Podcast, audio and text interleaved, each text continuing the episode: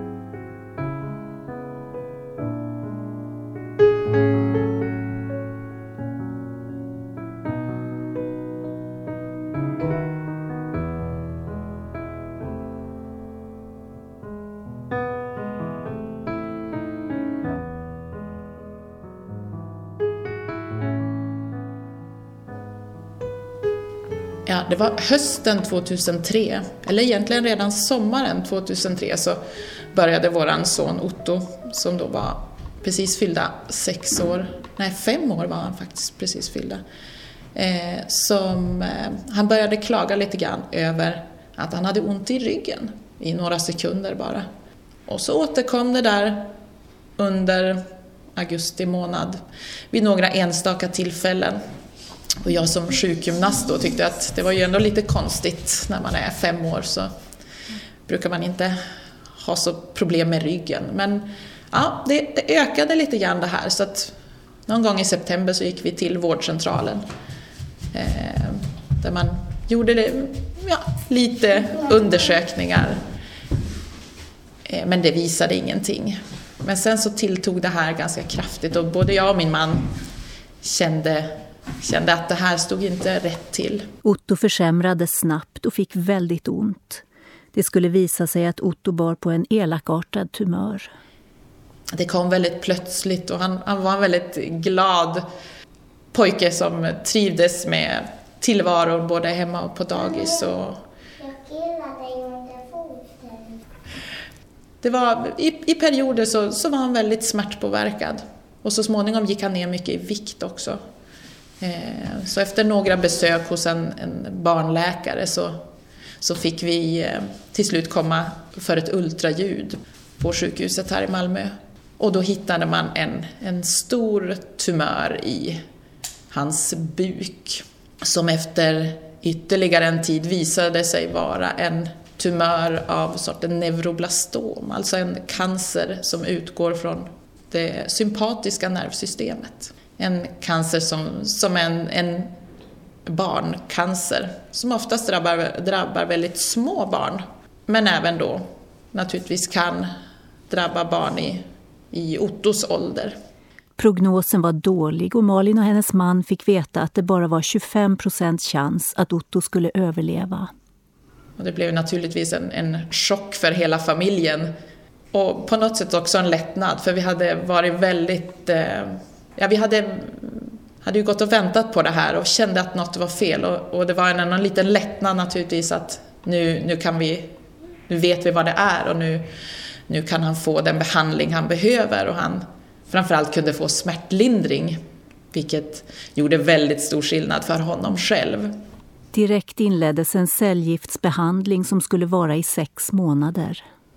Under den här tiden så, så tillbringade vi större delen av, av eh, tillvaron på eh, barnsjukhuset i Lund, vilket är ett fantastiskt ställe med fantastiska människor.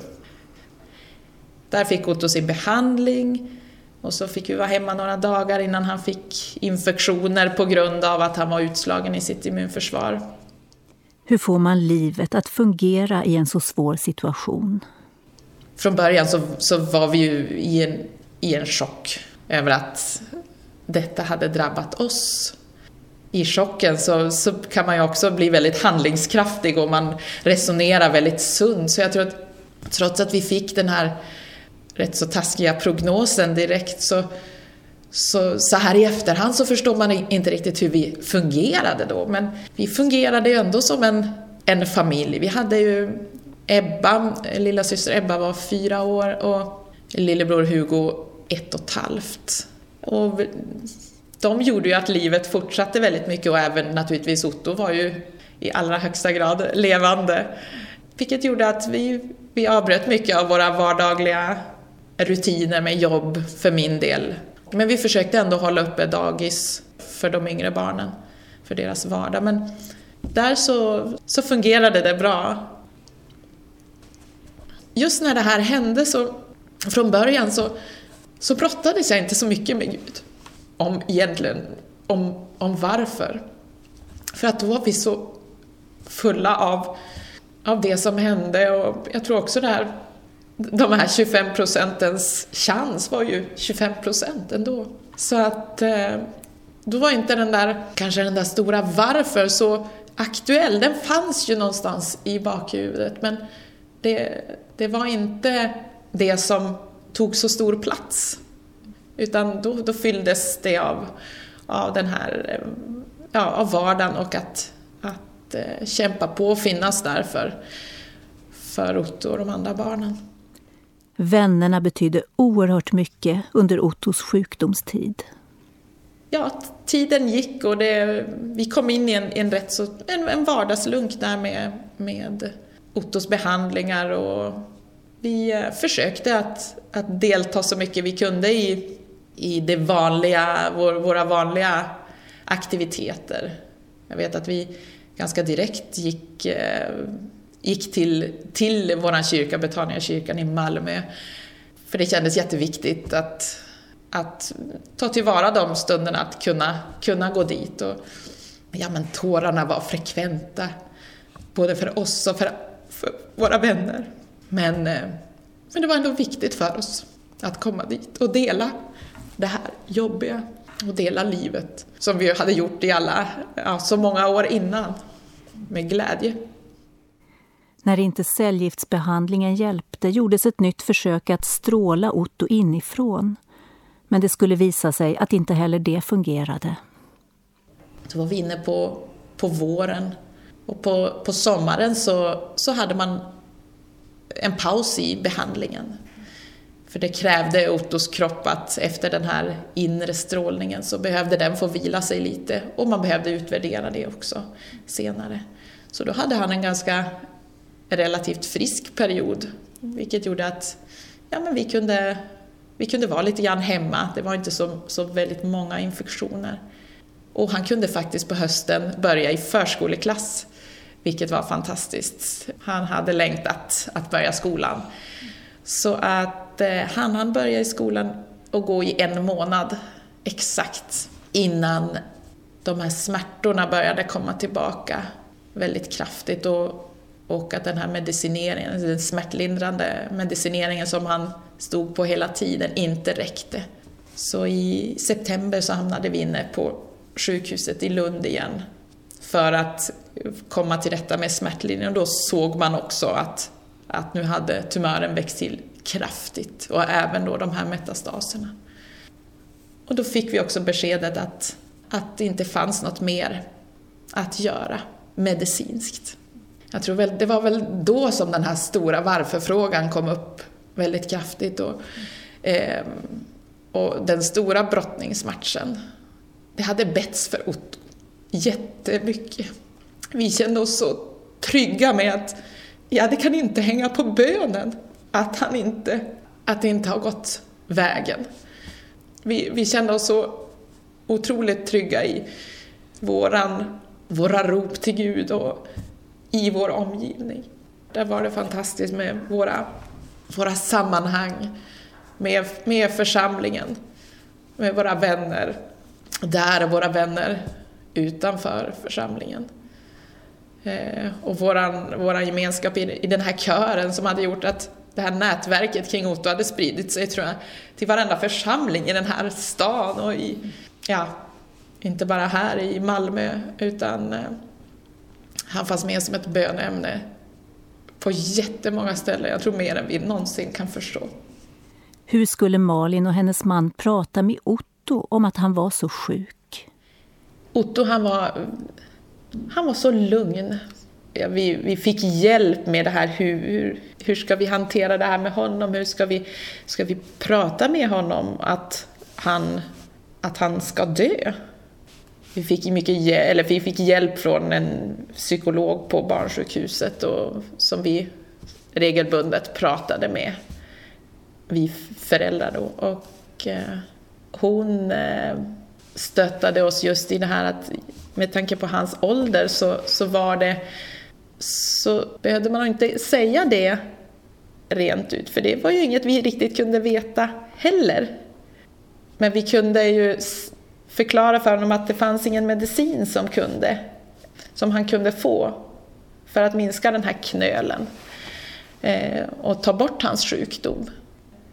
Otto var väldigt lugn. Vi försökte då prata mycket med honom och höra hur han tänkte och funderade kring det här. Och försökte eh, liksom föra en, en dialog och försöka att han själv skulle ta upp om han hade liksom funderingar kring, kring det hela. Men ja, nej, han, var, han var så lugn. Vi, vi kände att han, han vet om det här och vad som vad som ligger förestående. Men när, när vi då kom till det läget och pratade om sådär, då kunde det komma upp frågor som han funderade på. Ja, men hur kan den här legogubben ha ett visir på sin hjälm? Det borde väl, visst har riddaren en hel hjälm till exempel? Alltså det, det var mer, det var sådana saker han funderade lite mer på, den här legoriddaren och hur det kunde vara att den såg ut si och så. Och han var ja, väldigt, väldigt lugn i hela situationen. Hur påverkades de andra barnen av Ottos sjukdom? Jag tror då, då i det läget så, så påverkade de båda, eller framförallt Ebba, mest av våran, alltså att hon såg oss och våran, våran sorg. Och, men, natur, men, men har ju, hade ju en egen också, men men de var, hon var väldigt... Eh, hon, hon, pratade mycket och frågade mycket eh, om alltså sjukdomar. Hon, vi, vi kom på det att vi var tvungna att vara väldigt noggranna med hur, när, när, man pratade om olika, det var någon som var hemma och var sjuk till exempel, så, så kunde hon tänka den där tanken att det var något allvarligt. Omsorg kan uttryckas på olika sätt. Malin berättar vad som kändes viktigast för henne. Det viktigaste tycker jag är att, att visa att man finns med i tanken. Det kan vara en, en sån enkel handling som en hand på ryggen. Men även om man inte hittar ord så, så en kram eller en, att man möter med blicken är, tycker jag, det viktigaste. Ofta finns det ju inte några bra ord att säga när det känns så eländigt. Men just det här omtanken och eh, som man kan visa med annat än ord, det, det tycker jag är viktigast.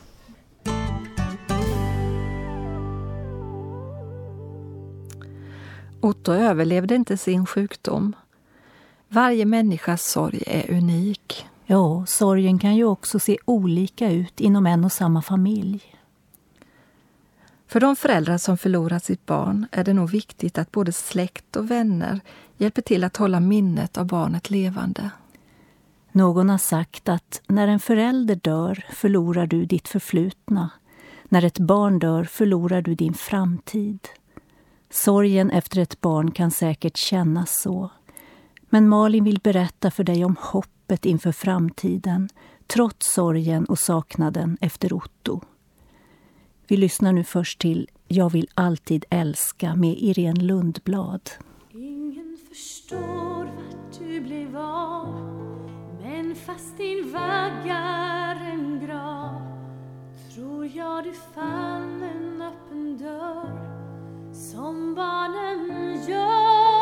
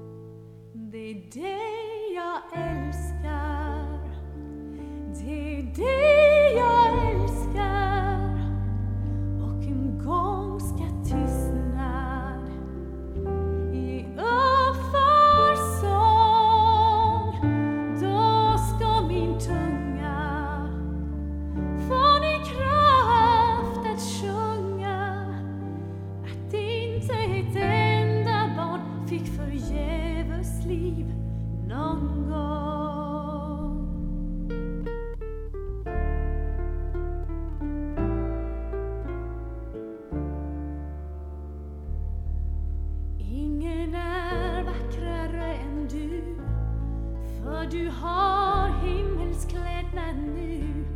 Du som är mammas sorg och skatt Jag vill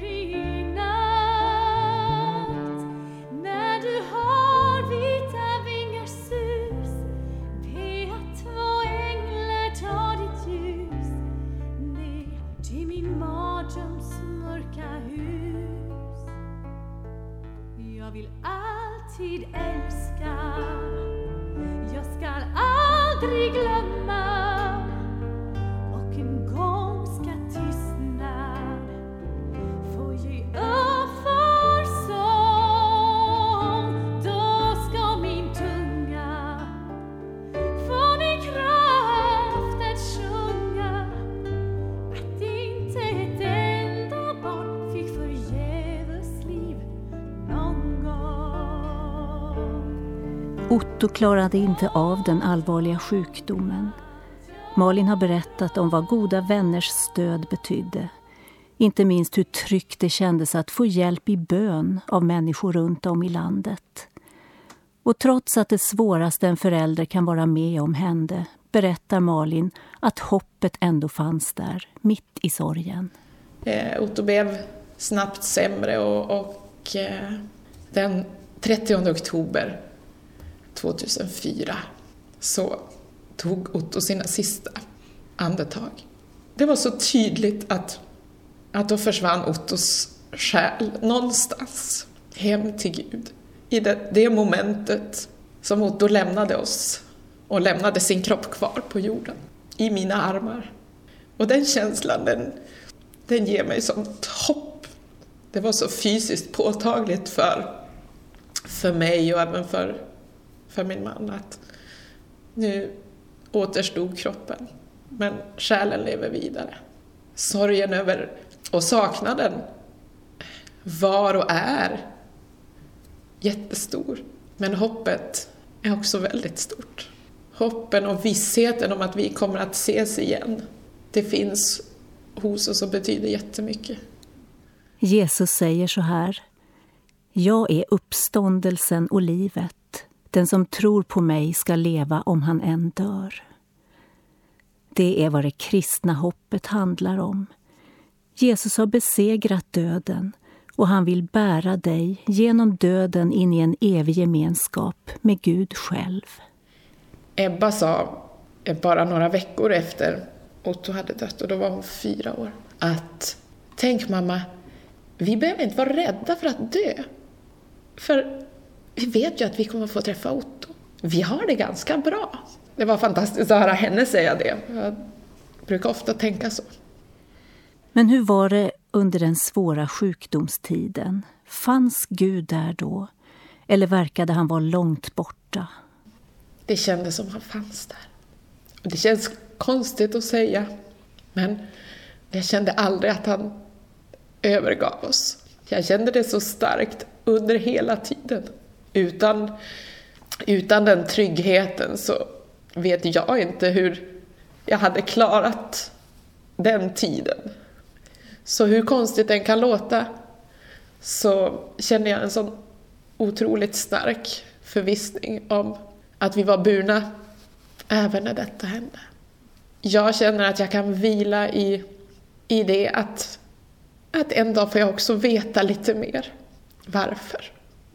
Så därför är mitt varför ganska litet. Det har nu gått några år sedan Otto dog. Hur ser sorgen ut idag? Under sjukdomstiden så, så tror jag att sorgen avlöste varandra eller att vi avlöste varandra lite grann så att vi, vi höll, att det funkade. Det är väl kanske något av en överlevnadsstrategi utan att man tänker på det. Men, men att det är kanske att man tillåter varandra att, att sörja i, i lite perioder. Men tiden efter Ottos död har sett ganska olika ut för oss. Vi har, jag var sjukskriven en tid efteråt, Andreas också, men betydligt kortare. Jag hade ett stort behov av att gå till Ottos grav, som blev en, en väldigt viktig plats jag tror mycket var att jag kände att jag behövde gå någonstans och pyssla till. När jag inte kunde ja, sköta om honom. Så att plantera lite och fixa och göra, göra det fint. Det, det var jätteviktigt från början. Jag besöker Ottos grav regelbundet men absolut inte så frekvent som det första året eller första ett och ett halvt åren. Men det blev en viktig plats för mig, en fysisk plats. Vilket det inte har varit för Andreas då. Sorgen är mer, mer punktvis idag än vad den var tidigare. Från början så fanns det alltid med mig. Sorgen blommar upp mer vid vissa tidpunkter på året.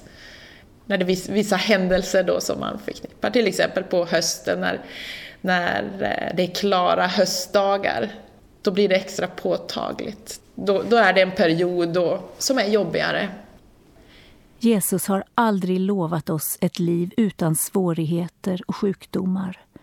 Men han har lovat att vara med oss alla dagar, också i sorgen och smärtan.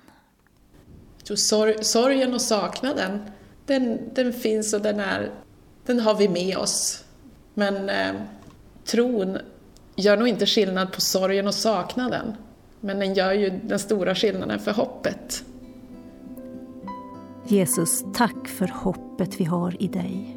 Tack för att döden inte är slutet och för att du längtar efter en evig gemenskap med var och en som har lyssnat idag. Amen.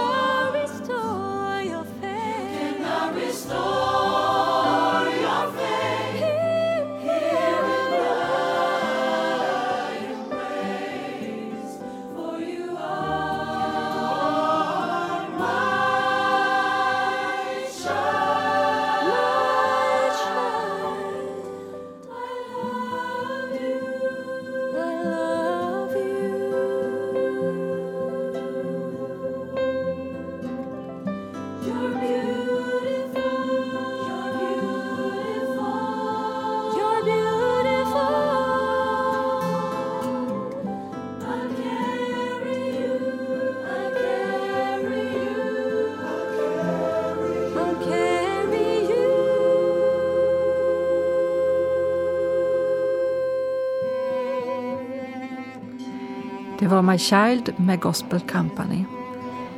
Idag har Malin berättat om sin son Ottos svåra cancersjukdom. Otto överlevde inte, men Malin och hennes familj vet att en dag ska de få mötas hemma hos Gud. Har du några tankar du vill dela? Hör gärna av dig till oss. Var rädd om dig.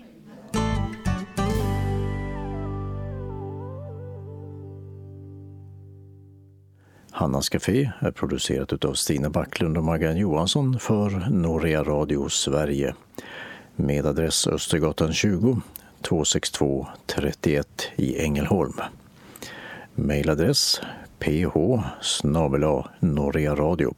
e och webbadress www.hannascafé.se